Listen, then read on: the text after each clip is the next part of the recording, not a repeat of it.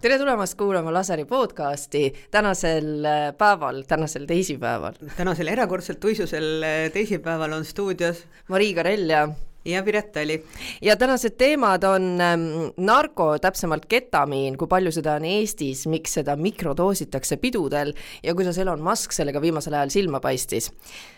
ja ühtlasi räägime ka narkoteemadel, sellest, mis on täna õhtul Laseri stuudios, võtame ette asja, mis on äh, nime saanud Sin, aga see on pigem hüüdnimi ja ühtlasi räägime veel ka Netflixi edetabelitest ja nagu mingisugusest äh, massiivsest heidist TikTokis, mis pärast eelmise nädala Laseri stuudiosaadet äh, ilmnes, nagu üleüldse sellest kiusamiskultuurist või nagu sõimamiskultuurist või ma ei tea, see on nagu veits räuskamine, et kõik asjad on maksimumtoonidel. aga palun ärme sellest alusta, sellepärast et pooled inimesed jooksevad juba minema ja võtavad klapid kõrvas, kui ja, me, kui me üldse... hakkame neil kohe nagu seda adrekat üles ajama. ja sõnapaari toksiline maskuliinsus kohe saate alguses kasutama. see on juba öeldud praegu aga me ei alusta sellest, vaid me räägime sellest, et tõesti Wall Street Journal kirjutas, et Elon Muski kolleegid on väga mures sellepärast, et Elon Musk tarvitab nii sageli narkootikume, et see võib justkui mõjutada erinevate firmade otsuseid. Elon Musk on eitanud narkootikumide tarvitamist ja ütles, et nagu rohkem kui see, mida te nägite Joe Rogani show's, kus ta tegi koos saatejuhiga marihuanat. Mm -hmm. et rohkem ta ei ole mitte kunagi mitte midagi nüüd hiljem tarvitanud, on ju. aga minu arvates ta on kogu aeg mingeid erinevaid asju tarvitanud, sest ükski inimene ei tule selge peaga selle peale, et oma elektriautosid kosmosesse saata, selleks peab ikkagi laksu all olema. oh my god, nüüd sa nagu promod justkui selle, justkui tuleks mingid hästi head mõtted selle narkoga pähe. no aga minu, minu jaoks seda. on see nii loll mõte, et auto peaks kosmoses olema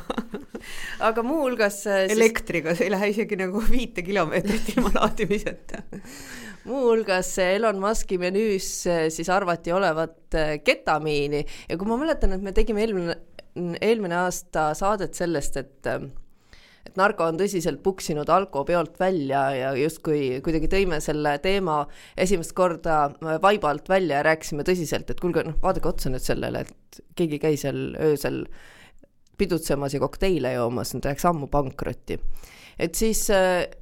ütles ka üks DJ äh, Kersten Kõrge, et äh, muidugi, et startup'i inimesed, et need ainult mikrodoosivad ketamiini. ja siis mõtlesin, mis see mikrodoosimine tähendab ja mis asi see ketamiin nagu üleüldse on, on ju.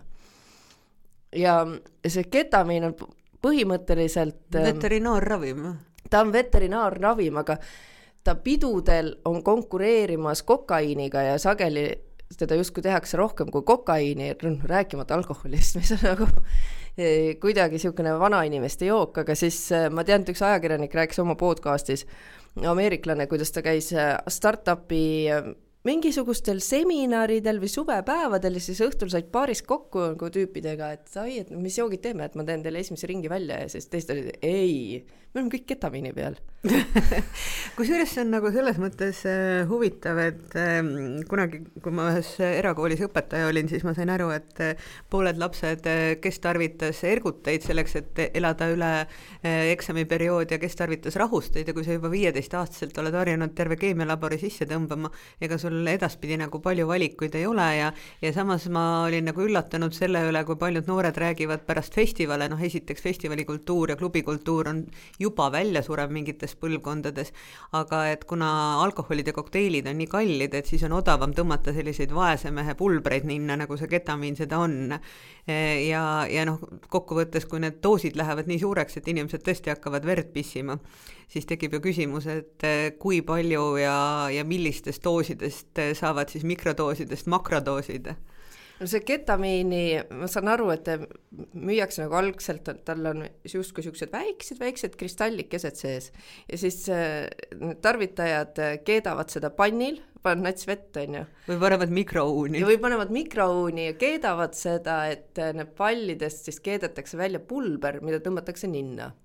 ja nüüd, et kui sa siis seda mikrodoosid rekreatsiooni korras, et siis see, siis see tõesti see doos võib olla null koma null null null üks grammi, et seal ees on siis null koma ja veel kolm nulli, on ju. et need doosid on väga erinevad, aga et äh, üks kümnest ketamiini kasutajast, samamoodi nagu alkoholiga on, et keegi jääb sõltuvusse, siis arvatakse, et üks kümnest ketamiini tarvitajast jääb sõltuvusse. Selle mõju on ikkagi see, et ta on nagu rahustav, noh, sest kuna sellega pannakse, eks ole, loomi veterinaar eh, siis operatsioonide ajaks magama tead, ei ole ainult rahustav, tundub, et see mõju on erinev, et kui no, sa hallutsigeenne jah, et seal tekivad nagu mingisugused äh, erinevad ähm, fraktsioonid või nagu faktuurid, on ju, et sa näed asju mitmekihiliselt äh,, tal peaks olema ikkagi mingi lõbustav efekt ka, sest et mis see muidu on mõte, et sa seda peol teed. et kas muidu siis see mõte on see, et see lihtsalt kestaks äh, hommikuni välja, et sul ei tuleks uni peale või? Et noh, tundus, et need inimesed on nagu lihtsalt nii hai, et nad meenutasid nagu niisugust noh, vanakooli ikkagi konkreetselt nagu niisuguseid hašissi tüüpe, kes hõljusid mingisuguses nendele arusaadavas äh, asjas. Ja noh, ma sain aru, et sellel on ka mingi lähedane seos hipikultuuriga jaa, et äh, see avastati rekreatsiooniks äh, kuskil kuuekümnendatel hipide poolt, on ju. jah, jah, just, et sihuke olmekeemia, odav olmekeemia või siis nagu veterinaarkeemia. ja on olemas siis nagu mingi äh, sihuke punt inimesi või mingid fännid, kes ütlevad, et aa, seda on hästi tore siis äh, tarbida, kui sa vaatad David Attenborough loodusshow'd, et siis nagu kõigest saad palju paremini aru, on ju. no mina sain aru, et tegelikult ka osa Briti narkareid, et noh, see on Briti kultuuri osa, hommikuste pidude järel vaatavad teletupse et see on ka niisugune nagu slow ja see pidi erakordselt naljakas olema see, see oli see vana mees, kes räägib nagu loomadest ja lindudest ja Atterbury jah? jah, jah. aga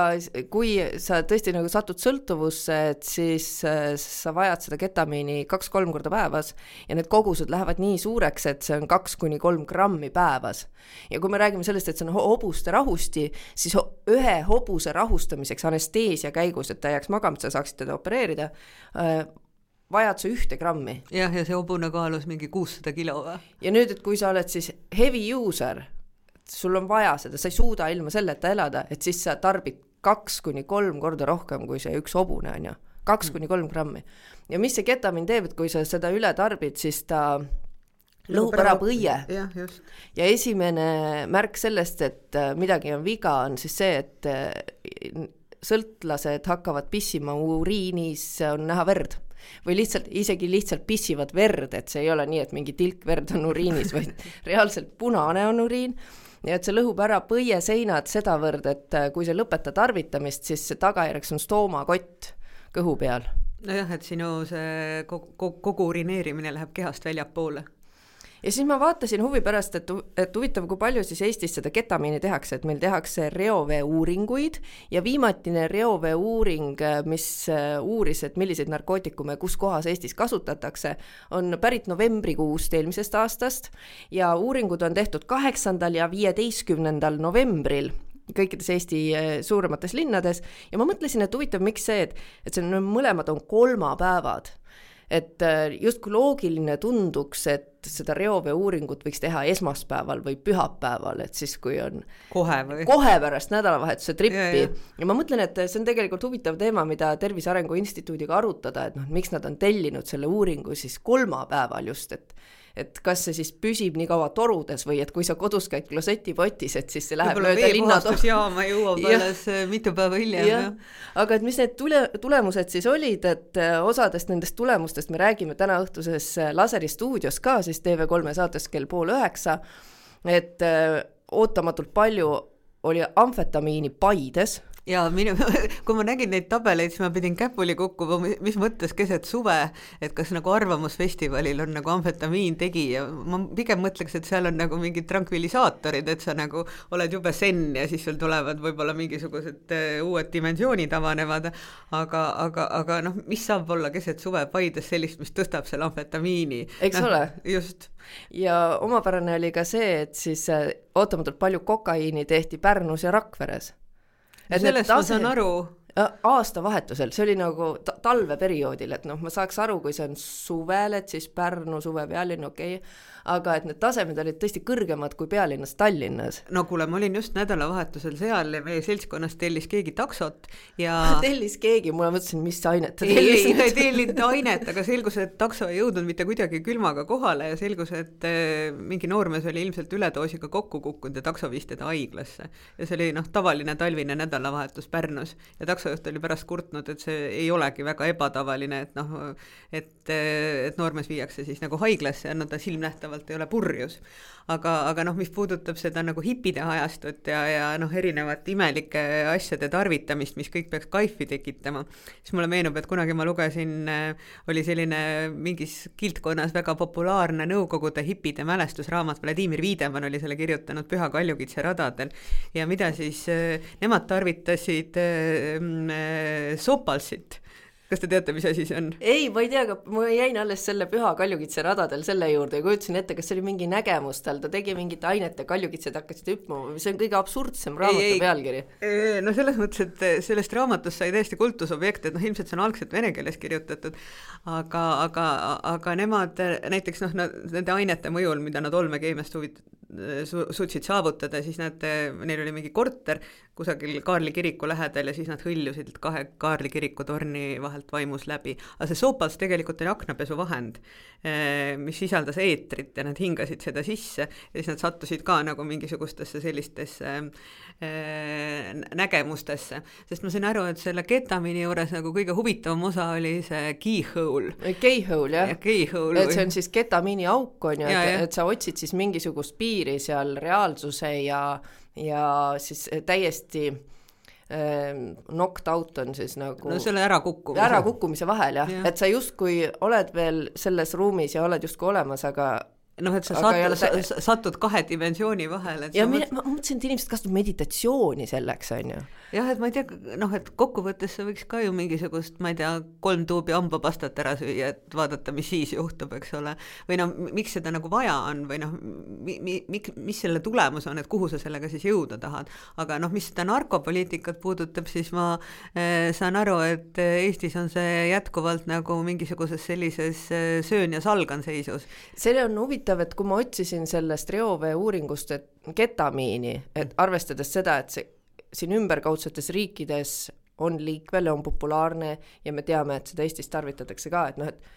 siis seda ei ole tegelikult selles tavalises uuringus sees. et mis ei otsi seda. et nad ei otsi seda jah, ja, ja, mulle tundub, et äh, me nagu selles osas meil puudub ka statistika, aga selles viimases uuringus see oli siis uue ainena sisse pandud ketamiini analoog kaks FTCK, mis on nagu megakeeruline nimi, ma arvan, et see on lühend mingist veel keerulisemast nimest, kus siis kloorirühm oli asendatud fluoriga ja seda oli tuvastatud Tartus. see on nagu mär-, märkimisväärsel hulgal, noh, et kasutatakse, on ju, aga et kui palju ja kes, mis hindadega, kust see tuleb ja kuidas see siin Eesti turul liigub, et noh, ma, mulle tundub, et see on täiesti eraldi uurimisteema et ähm, noh, sageli nagu tundubki see, et tegu on mingisuguste trendidega ja, ja sageli nagu meditsiin ja, ja ka õiguskaitseorganid jõuavad neile tagantjärgi, järgi jälile, et kui me vahepeal rääkisime siis ka Ameerikas laineid löönud oksükontiinist ja hakkasime seda uurima, siis tegelikult eh, on see ka retseptiravimi, mis on väga tugev valuvaigisti ja, ja mille üledooside kätte on Eestis ka palju inimesi surnud. aga nad on muidugi ka sellised äh, multitarvitajad, et, et see oksükontiin ei ole ainus aine, mis nagu tõesti Ameerikas väga palju räppareid eh, tappis nagu kärbseid, et noh, siis kui inimestele kirjutati seda välja eh, ja, ja siis ta läks, eks ole, massidesse, ta läks populaarseks ja, ja siis eh, noh, omakorda mul on tunne, et nagu on tohutu hulk neid nii-öelda niite see termin no education ja, ja mis iganes, et eh, kes ei tööta, kes ei õpi eh, ja, ja neid on Eestis ka ju mingi kaheksateist, kakskümmend tuhat uuemate uuringute järgi, kelle kogu elu mõte ongi nagu lõbustada ennast erinevate vahenditega mm. -hmm. et oota, see NEET on siis, ma ütlen sulle kohe, mis asi see on, see on siis uh, no, not in, not involved in education, employment or training, N-E-E-T. just, just, et, et, et see on see pidutsev, pidutsev noorus, muretu noorus, et ma ei tea, kust tuleb neil see sissetulek, aga et noh, kokkuvõttes sa ei saa ju ei töötada ega õppida, kui sa oled nagu kogu aeg pilves aga kaksteist protsenti viieteist kuni kahekümne kuue aastastest noortest äh, moodustavad siis niitstaatusega noored ja see on küll mega suur protsent, ma leian. no see on nagu tel-, selles mõttes absoluutselt nagu noh, kaotatud põlvkond ja kui nad juba selles vanuses on nagu äh, pinna jalgade alt ära kaotanud, siis tekibki küsimus, et nagu kuhu edasi et see ketamiin on ühtlasi ka Soomes popp ja, popp ja kui ta on Suurbritannias popp ja me näeme, et ta siin teistes riikides on, et noh, siis on naiivne arvata, et seda Eestis ei ole. ja et see ketamiini puhul on see, et sa ei tohi seda alkoholiga koos tarbida, sest et nii, iga väike siis gramm alkoholiga koos äh, võtab su täiesti siruli ja pilt kaob eest ära. ehk et nad teevad seda, nad nagu... alustavad, nad alustavad kaine peaga ja siis ma mõtlen, et vaata, et mis asi see on, mis paneb sind seda siis testima või mis pa-, paneb sind äh, katsetama selle ketamiiniga. et mis see seisund peab olema, et mida sa otsid seal, kas sa lahendad probleeme või sa otsid mingit seiklust või et mis asi see on ju siis nagu lõpuks? No ma arvan, et üks asi on see, et see on nagu meelelahutus ja teine asi, see on grupikäitumine. sest ma arvan, et äh, peokultuur nagu selle põlvkonna juures nagu tohutult on muutunud, ilmselt selle lockdowni ja kõige muuga, et, et see ongi nagu niisugused äh, väiksed korteripeod, et noh, ma kujutan ette, et, et väljas käiakse järjest vähem, klubisid pannakse järjest rohkem kinni, pidusid on järjest vähem, et siis see ongi nagu mingisugune niisugune väikese seltskonna pidu, kus äh, ei ole nagu eesmärk see muusika või mingisugune muu asi, mis kaifi annab, vaid äh, erinevad ained. et, et siis sa nagu ühes ruumis olles korraldad endale siis nii-öelda mingeid imelikke trippe see kõlab päris õudselt, aga me, et ketamiini puhul ei ole kõik asjad halvad, et äh, Ukrainas sõdurite puhul kasutatakse ketamiini äh, posttraumaatilise stressi raviks, ehk et siis need sõdurid, kes on tulnud rindelt, nad hakkavad nägema õudusunenägusid ähm,,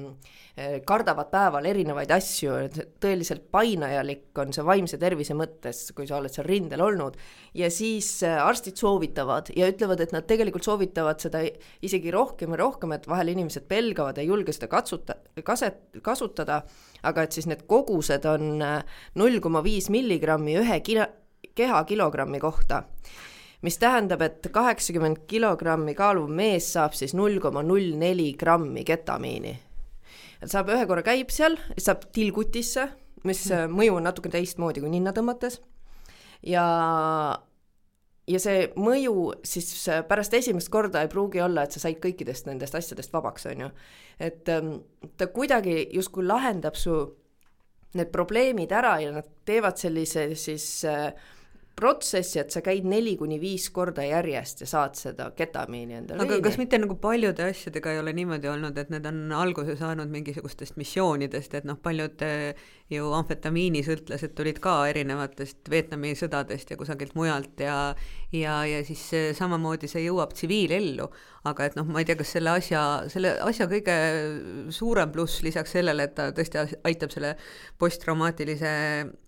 stressi puhul, aga et noh, võimalik on ka see, et see on nagu odav lahendus, et noh, kuna ta on veterinaarravim, et ta ei olnud nagu väga kallis, tundus mulle, et see oli nagu vaese mehe kokaiin. Võib-olla küll jaa, aga seal vaimse tervise raviks nad on ikkagi teatud mõju sellel tuvastanud, et kui me tuletame meelde, Matthew Perry suri hiljuti ära, siis temal oli ka depressiooni raviks kirjutatud ketamiin välja. Hmm.. ja seda suri selle tagajärjel, et ta kahjuks ka rekreatsiooni korras seda ketamiini tarvitas, et sai liiga suure doosi no ju ta siis võttis selle, aga noh, see ei olnud ka ju eesmärk tal e. e võtta üle doose e,. no ei tea, ega me takkajärgi ei tea, on ju. no samamoodi nagu, eks ole, on olnud paljud eh, staarid hakanud hoopis mingist ravimist peale ja jõudnud selleni, et sellega jõutakse nagu ületarbimise ja sõltuvuseni. sest noh, ma ei tea, mis on nagu hullem nagu endiste Ukraina sõdurite puhul, kas see, et nad hõljuvad mingis pilves ja näevad liblikaid ja delfiine või siis näevad painajaid no liblikad delfiinid tundub ikka olulisemalt safe im. ehkki mulle tundub, kui seal meil nii palju mehi on käinud sõjas ja sõda jätab jälje ka siis, kui sa käid lihtsalt missioonil ja sa ei satu justkui konflikti rindele hmm.. et see on äh, massiivne ühiskonna probleem, mis neil seal vastu vaatab. see mm. ei ole mingi nali aga noh, ma saan aru, et äh, Eestis nagu ei ole see ketamiin veel esialgu nii tuvastatav ja teiseks ei ole ta ka Äh, võib-olla nagu teemana üleval, aga aga kanep seest on? jaa, kanep seest on, selleni ma tahtsin jõuda, et noh, see oli täielik bängerlugu, mis oli siis äh, Pealtnägijas eelmine aasta, kus oli tore niisugune mitme põlvkonna ühendtegevuse korras tekkinud Võrumaale üks kanepifarm ja inimesed olid ikkagi teinud nagu väga suuri investeeringuid, miljoneid leidnud investoreid ja ja nad ikkagi valmistusid äh, reaalselt kanepi legaliseerimiseks Eestis ja et anda väga suure mõnuaine sisaldusega kanepitoodangut, et Eestis nagu ütleme, põllumajanduslikult oli see nagu väga hästi toodetud ja, ja nüüd mul on tunne, et need pooled inimesed on nagu kangelased, kuna nad pidasid videopäevikuid, neid näidati televiisoris, üks nendest on küll tõesti vangis, aga teine on täna õhtul saates kui öelda kanepifarm, siis see kõlab nagu oleksid kasvuhooned, aga see, mida nad ehitasid, oli kahekordne elamu maa all. tuumavariant siis oli? täielik tuumavariant ja neid videosid sellest ehitusest ja sellest äh, kasvandusest äh, me ka täna õhtul näitame ja stuudios on tõesti siis üks Kanepi perekonna liikmetest, Liina Suur, ja kes kannab parasjagu kriminaalkaristust, tema karistuseks on tingimisi Äh, siis äh, vanglakaristus ja, ja tema abikaasa äh, sai karistuseks kuus aastat vanglat ja ta räägib sellest, et abikaasa on väga raske vanglas, toit on väga harjumatu, kui sa oled toitunud tervislikult ja ja tahtnud süüa värskeid puu- ja juurvilju, et siis seda vanglas ei pakuta. ja, ja Liina tuli meile stuudiosse, et rääkida siis äh, sellest, et noh, kui tal on kriminaalkaristus, et minu esimene küsimus talle on noh, et miks tal ei ole häbinägu ees üleüldse. ja enne kui me jõudsime Liinaga stuudiosse, siis sellesse samasse saatesse kutsutud siseministeeriumi esindaja, kõrge narkopolitsei boss ja Tervise Arengu Instituudi esindaja otsustasid ühiselt, et nemad ei soovi olla koos ühes toas inimesega, kes on kriminaalkorras karistatud. ja siis ma üritasin nagu selgitada, et okei okay,, et noh, me tegelikult me oleme selle narkoga nagu selles staadiumis Eestis, et me peame julgema avalikult arutada, mis on õige, mis on vale, mida tohib teha, mida ei tohi teha. Ja et kuidas seda teha stuudiosaate võtmes, kui te ei ole nõus isegi ühes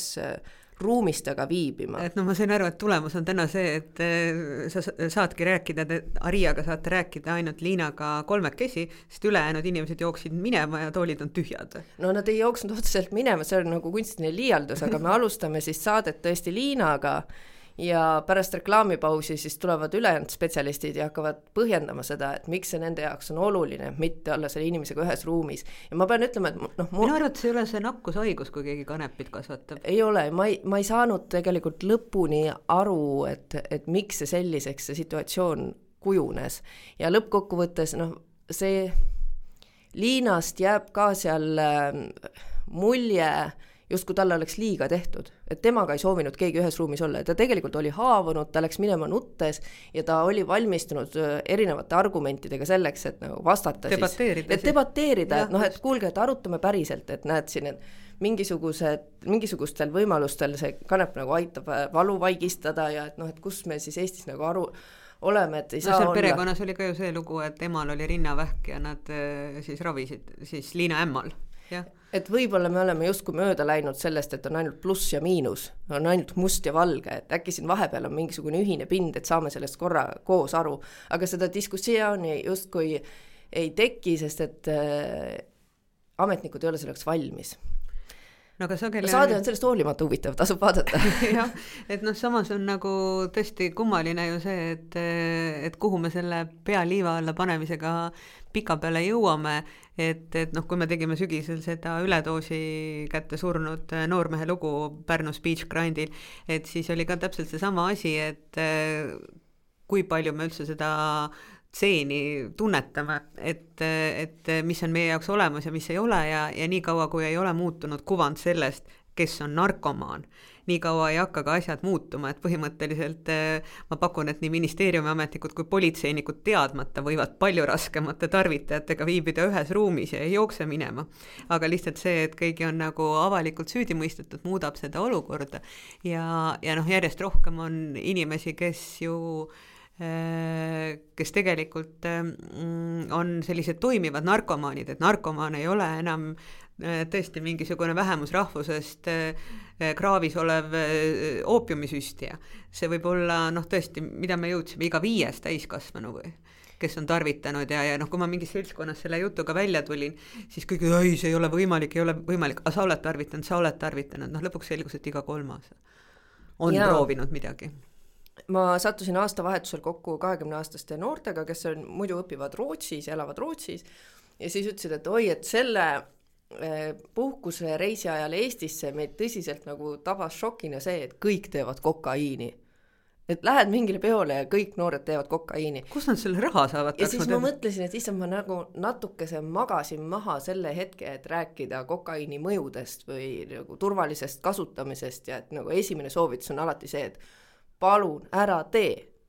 aga kui teed, siis sellele järgnevad ka soovitused ja just, et noh, see, mida ka selles äh, üledoosi saates siis kõrge politseinik rääkis, et noh, et see on põhiline see, et äh, ära jäta kedagi üksinda, ära tee seda üksinda, ole valmis abi kutsuma ja noh, sageli on ka nagu noh, üks ka minu tuttav kirjeldas olukorda, kus tema laps oli peol, kellelgi oli väga halb ja ei juletud kutsuda kiirabi ja politseid, siis nad arvasid, et nad viivad kõik laiali ja, ja selleks ajaks, kui politsei kohale tuli, oli kohal ja kiirabi oli kohal siis üks see, kes oli kokku kukkunud ja üks oli see, kes midagi ei olnud tarvitanud ja ülejäänud kakskümmend olid metsa laiali jooksnud. no vot, siis ongi meil politseiametnik, kes ei julge tulla stuudiosse samal ajal, noh, sellega ei taha tulla stuudiosse, see julge on vale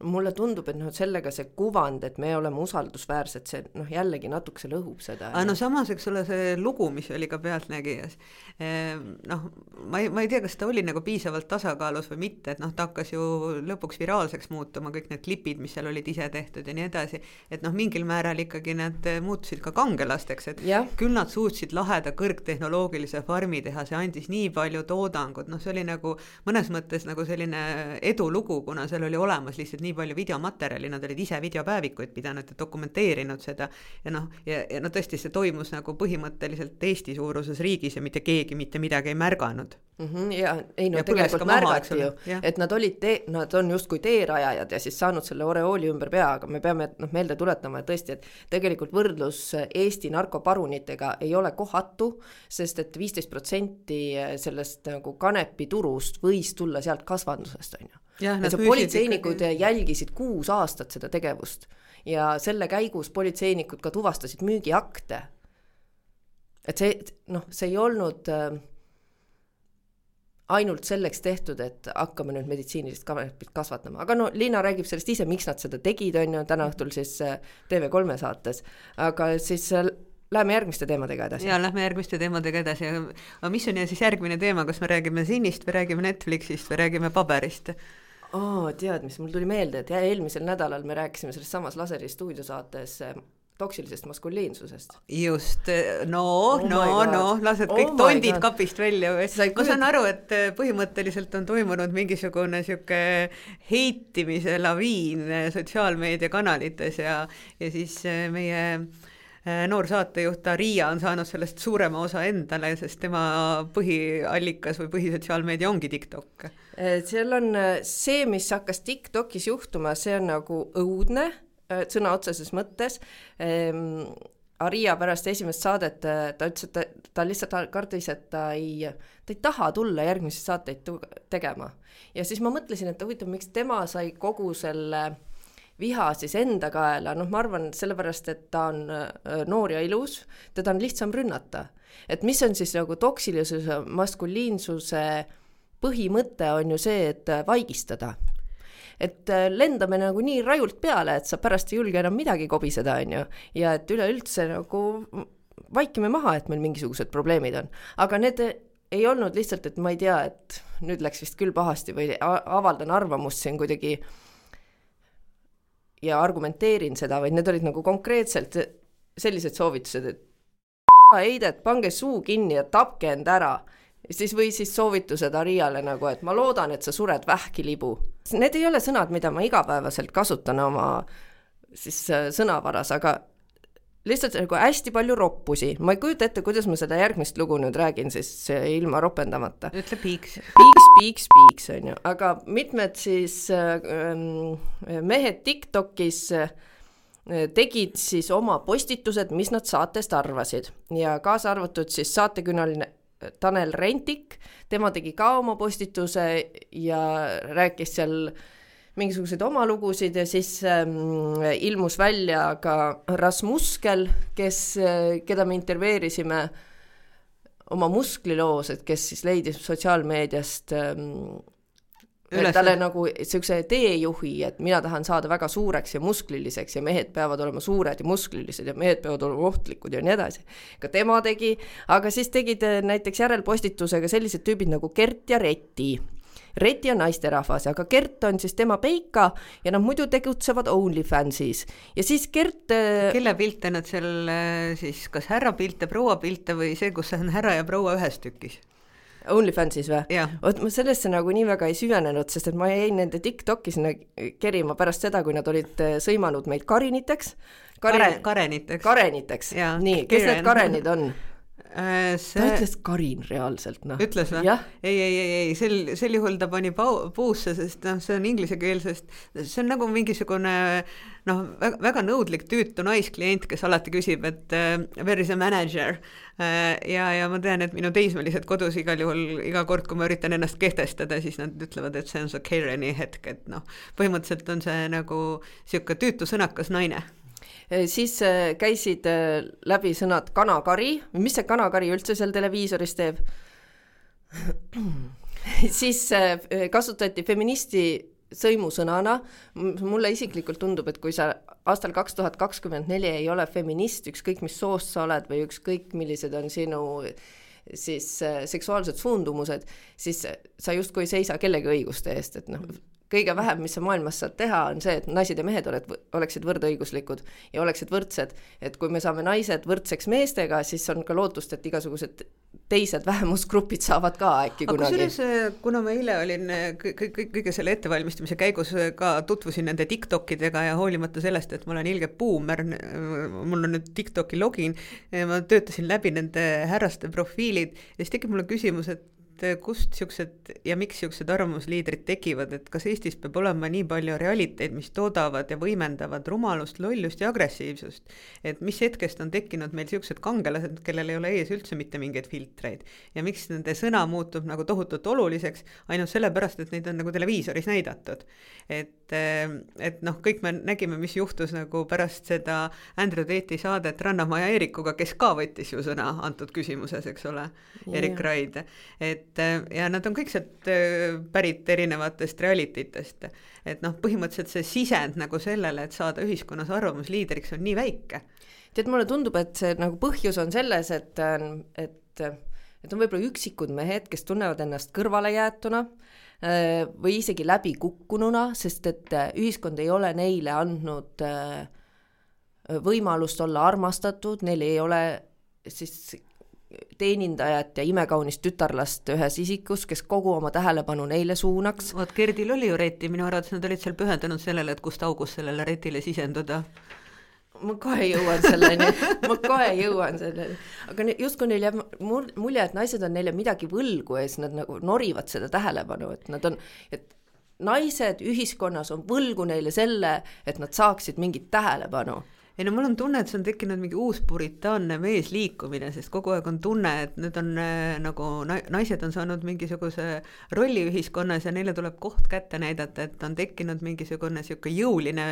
šovinistlik meesliikumine, mis tegelikult hakkab väga varajasest noorusest peale, kus äh, noored mehed radikaliseeruvad, mis tähendab seda, et mingiks hetkeks, kus nad peaksid leidma omale mingi partneri, ei ole nad seda suutelised tegema, sest Äh, naiste ja tüdrukute arusaamine võrdõiguslikust, sest on hoopis teine kui see, et naine käib rusika ja pliidi vahele. No siis need üksildased noored mehed, kes siis netis seal surfates koperdavad mingite tüüpide otsa, kes lubavad, et nad aitavad neile enesekindlust üles ehitada. Ja et see enesekindlus käib siis selle järgi, et sa julged kõike öelda, mis sulle iganes nagu suhu tuleb, et sa oled äh, hästi tugev, et sa kaitsed kedagi kelle eest, ehkki arusaam sellest, et kuidas nagu maailmas äh, kaitsmine käib, on täiesti puudulik. kuidagi see kõik, mida tsivilisatsioon on aastasadadega saavutanud, ehk siis, et äh, inimestel on nagu mingisugused teadmised, oskused, väärtused on pöördunud pahupidi, see on pöördunud nagu sellise koopa inimese tasemele, et äh, ongi nagu see, et see, mis maksab, on muskli suurus ja agressiivsus. sellel samal keti Gerdil ja Retil oli siis üks postitus selle kohta, kus nad siis OnlyFansi arvamusliidritena üritasid seksuaalnõu anda inimestele. ja siis oli, et okei okay,, et kas peaks proovima tagaukse anaalseks, jah. jah, aga nad nimetasid seda siis mingiks tagaukse lähenemiseks või mis iganes. niisugune kaheksakümnendate akronym. ja siis okei okay,, te ei julge asju isegi nagu õigete sõnade nimet-, sõnadega nimetada, aga siis, et kas peaks seda proovima ja siis see Gert oli nagu väga äksi täis ja ütles, et jaa, jaa, see parem üldse nagu. ja siis see Reeti ütles. hea tihke auk oli vist minu arvates mingi mõte. ja siis see Reeti ütles, et no mulle väga ei meeldi siis Gert jätkas, ei no see on kõige parem, see on ikka üldse nii, noh, et kui sageli seda peaks tegema, on ju. noh, iga päev, ütles Reti vaikselt. ja siis ma mõtlesin, et kuule, kas sa mees nagu üldse kuuled või? see naine ütles, et talle ei meeldi miks sa iga päev teed seda, kui ta ütleb, tal on valus konkreetselt? ei no aga, aga kusjuures see ongi nagu kõige imelikum, et sellistel postitustel on mingeid kümneid tuhandeid vaatamisi nad taastoodavad seda sellist eh, ossikultuuri mõnes mõttes. et eh, noh, sellist nagu noh, radikaliseerunud eh, mehelikkust et eh, minu arvates on see nagu hirmuäratav, et, et tegelikult ei ole ju küsimus selles, millest seal saates räägiti, vaid küsimus on selles, et nad kuulsid ühte ärritavat sõnapaari ja, ja nagu sellest piisas edasi, et hakata nagu neid inimesi maa sisse tümitama, aga, aga noh, tekib küsimus, et miks üldse nagu meedias peaks tähelepanu pöörama sellele nii-öelda kogu sellele sotsiaalmeedia kangelastele, et mis hetkel on nad muutunud nagu sellises tavameedias või peavoolumeedias domineerivaks domineerivaks, et iga kord, kui ma näen seda, et mingi ajakiri avaldab kellegi Instagrami kontode pilte, meie lemmik Instagrammerid, meie tiktokker suunamudija näitab bikiinivormi, siis mul tekib küsimus, miks ma selle meedia eest olen maksnud ja miks ma seda jama pean nägema. ja mida see minu elus nagu muudab. jaa, aga samas, kui sa käid äh, koolides ja küsid äh, õpilaste käest, et kust te saate oma uudised või milliseid meediaid te üldse jälgite, on ju just eelmine nädal oli selline kogemus, siis esimene vastus on äh, TikTok, nii, aga mida veel jälgite? teine vastus on TikTok. TikTok. Ja kolmas vastus on ka TikTok. Ja kui ma küsin siis, et kas keegi trükib sisse delfi.ee või err.ee, et vaadata uudiseid, ma näen väga üksikuid kätepaare, mis tõusevad püsti. Ja siis need väga üksikud kätepaarid, need on ka siis meediahuvilistelt õpilastelt no jaa, aga kokkuvõttes ongi ju oluline aru saada, et kui noor inimene suudab vahet teha erinevate Jordanite liigi vahel, siis ta suudab ka teha vahet erinevate meedialiikide vahel, et noh, kui ma olen õpetanud mm, koolis kaksteist aastat eragümnaasiumis eh, olnud valikaineõpetaja, siis kokkuvõttes ega see olukord pole teistsugune olnud, et võib-olla see ei ole lihtsalt TikTok olnud, aga see on mingisugune muu asi olnud, et, et nad saavad oma uudised küll ja võib-olla need uudised ei ole halvad, aga aga noh, neid on lihtsam lükata kuhugi radikaalselt radikaliseerumise sohu, noh, kogu selle parempoolsusega, kogu selle ilutööstusega ja kogu selle muu kräbiga, aga küsimus on selles, et neil ei ole nagu arvamusliidreid, kuna Eestis kas minu arvates Indrek Tarand ütles, et ta on ühisgümnaasiumis üks nooremaid õpetajaid, kui vana ta on, ta on mingi kuuskümmend. et noh, mida nagu teab see põlvkond eh, moodsast eh, meediast, et noh, kuidas need inimesed peaksid üldse aru saama, et midagi muud on olemas, et siis nad eh, muut-, muutuvadki arvamusliidriteks mingisugused põhiharidusega kutid, kes teevad kirjavigu. jaa, aga see on ongi neil TikTokis omad arvamusliidrid, on ju, ja mul on nagu üks, mulle tundus, et me võiks workshop ida seda koos, on ju, et Erik Rait, kes on siis tuntud Rannamaja Eerikuna ja väga mm, viraalselt tsiteeris äh, meie laseri saates äh, Andrew Tate'i rääkides sellest, et haridus on skämm ja töötamine on äh, kaasaegne orjandus, ta tegi ettepaneku, et davai, et teeme selle toksulise maskuliinsuse teemal kolläbi TikTokis. mis sa arvad, kas peaks tegema selle? No ma ei tea, kumb sellest rohkem kasu saab, et eh, ma ei usu, et, et see tuleks nagu peavoolumeediale kasuks, et noh, pigem oleks tema eesmärk ju eh, mängida sind nurka ja, ja, ja sina teda nende vahenditega, noh, sõltub, kelle käes see meediakanal on. ei, aga ma mõtlen, et aga mis see mida eesmärk, see sulle annab? et mis eesmärki see täidab, kui me siin peavoolumeedias arutame, et noh, võib-olla ei ole väga okei okay olla lihtsalt mingisugune jobu, kes sõimab teisi inimesi, et aga see ei olegi okei okay,, aga kui keegi seda välja ei ütle, siis pooled inimesed ei saa seda kunagi teada, nad lepivad selle kui reaalsusega. jah, aga et me, et kuidas sa siis lähened nendele noortele, et võib-olla see kolläb ei ole halb mõte, ma just vastupidi arvan, võib-olla see ei ole halb mõte, me saame seal rääkida, et kui et see küsimus ei ole toksilises maskuliinsuses, vaid see, lihtsalt selles, et see onuheinolik käitumine, see ei ole okei okay nõrgematele ei tohi liiga teha. no minu arvates ei saa mängida inimesega, kes poksib malet. see on väga raske et selles mõttes, et äh, seal tuleb ikkagi nagu mõelda, mõelda selle üle, et mis on nagu erinevad äh, vahendid, milles nagu räägitakse. et äh, noh, ja, ja asjata on ka loota tegelikult, et nüüd, kus jälle, eks ole, Trump on valimiste karussellil ja, ja võidab, eks ole, ja kogu see parempoolne jõuline kummaline maailmavaade on jälle teel tõusule, ehk siis tekib küsimus, et et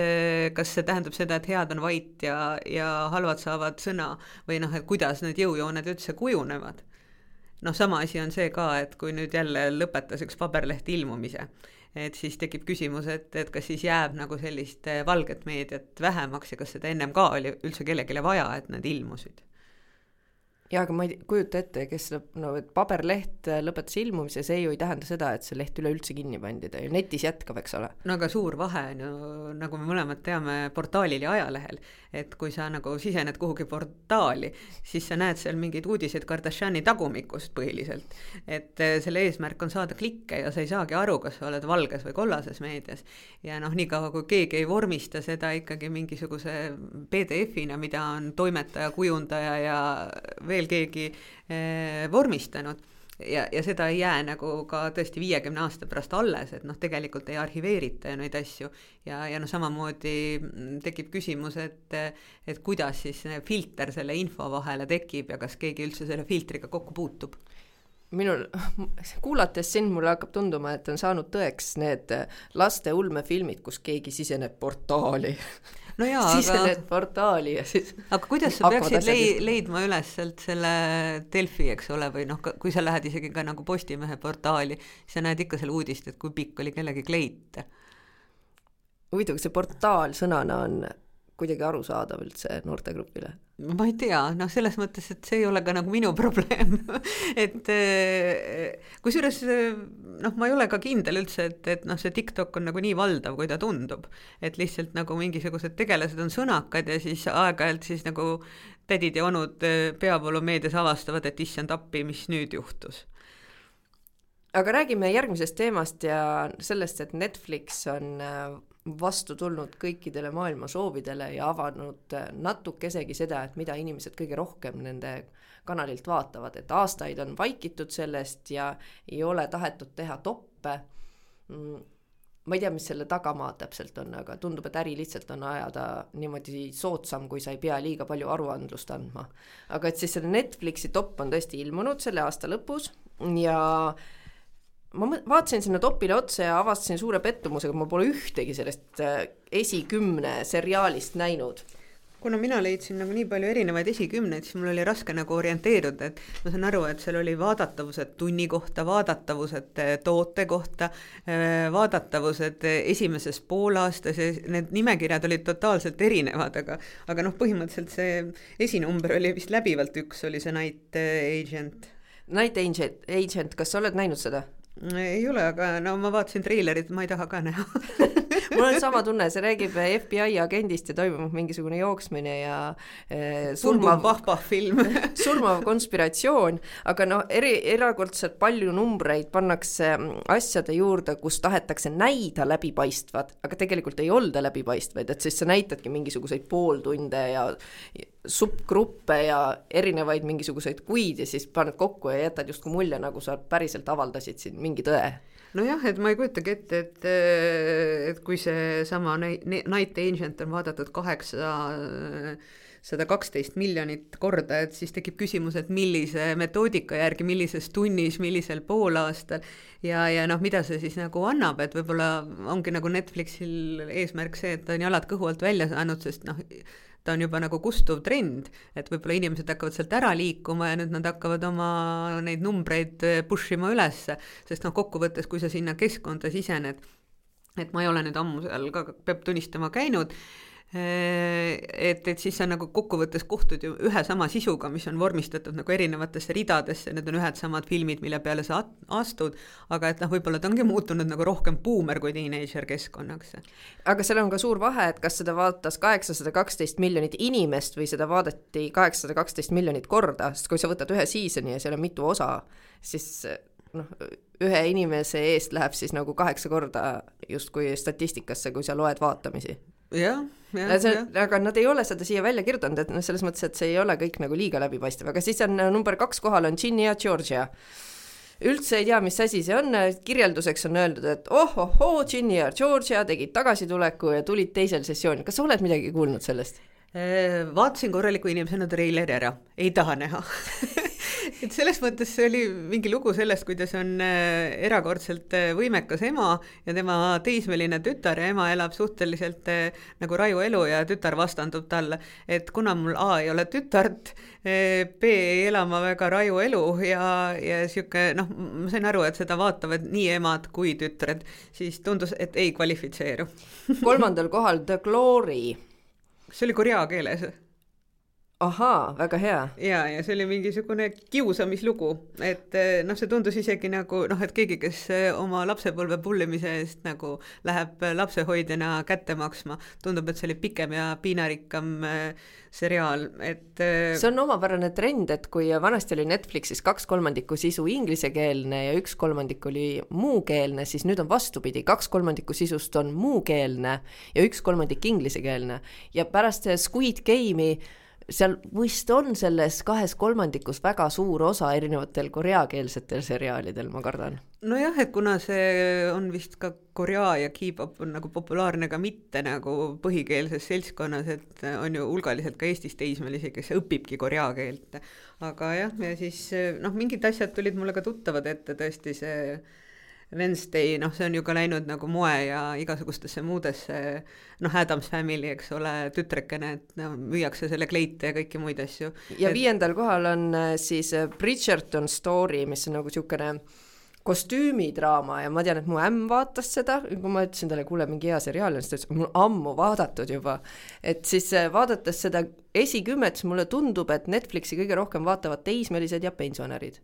jah, no ma ütlengi, et ta nagu on muutumas buumerkanaliks, sest eh, kui ma kodus arutasin teismelistega, et kas me peaks nagu Netflixi tellimust pikendama, siis nad ütlesid, et nad ei taha seda, see on igav, seal ei ole mitte midagi. ja, ja kolmeteistaastane ütles, et eh, tema tahaks Disney plussi, seal on palju laiem filmivalik ja, ja vanem noormees teatas, et eh, tema sooviks Amazon Prime, Prime'i et, et noh, selles mõttes, et võib, võib-olla see ongi see, et kui poes juba tulevad müügile Netflixi logoga jäätised ja krõpsud ja eraldi ma-, maiustustelett kuulus nagu Netflixis, et ma arvan, et Netflix oli ikkagi nagu mingi koroonaajastu hitt, kus inimesed kerisid nagu tundide kaupa seal mingeid asju läbi ja ja, ja nüüd võib-olla see ei ole enam nii suur hitt. no mainstream. aga mida kindlasti soovitan televiisorist vaadata, on laserisaade jaanuaris oleme Laseriga stuudios ja arutleme seal täna narkoteemadel. soovitan kuulata meie podcasti iganädalaselt ja soovitan Youtube'ist leida üles meie Laserteki kanali. ja kui te kavatsete kirjutada saatele kommentaare, siis... siis palun vältige sõna vituviha, et nagu me oleks vittu viha täis, sest mul tekitab küsimusi see esiteks. kas vitt on vihane, kui vitt on vihane, kuidas ma tean, et ta on vihane? Mida see tähendab üleüldse? kas on nagu? olemas ka siis valluse fah-, vahk, et, et on selles mõttes eh, minu arvates need asjad nagu eh, kuidagi töötavad üksteise vastu ja ma arvan, et sugupooled ei peaks olema omavahel eh, sõjas. ja tülis. ja tülis jah, selles mõttes, et eh, mi-, mingil hetkel ikkagi nad peavad nagu omavahel kokku saama, et eh, suguriik ja elu jätkuks ja sellise sõja puhul ei lähe see omavahel õnneks, kui üks pool sõimab ühte ja teine pool sõimab teist. aga me väga ootame teie kommentaare laser.laser.ee e-kirjale või siis kommentaaridena. järgmise korrani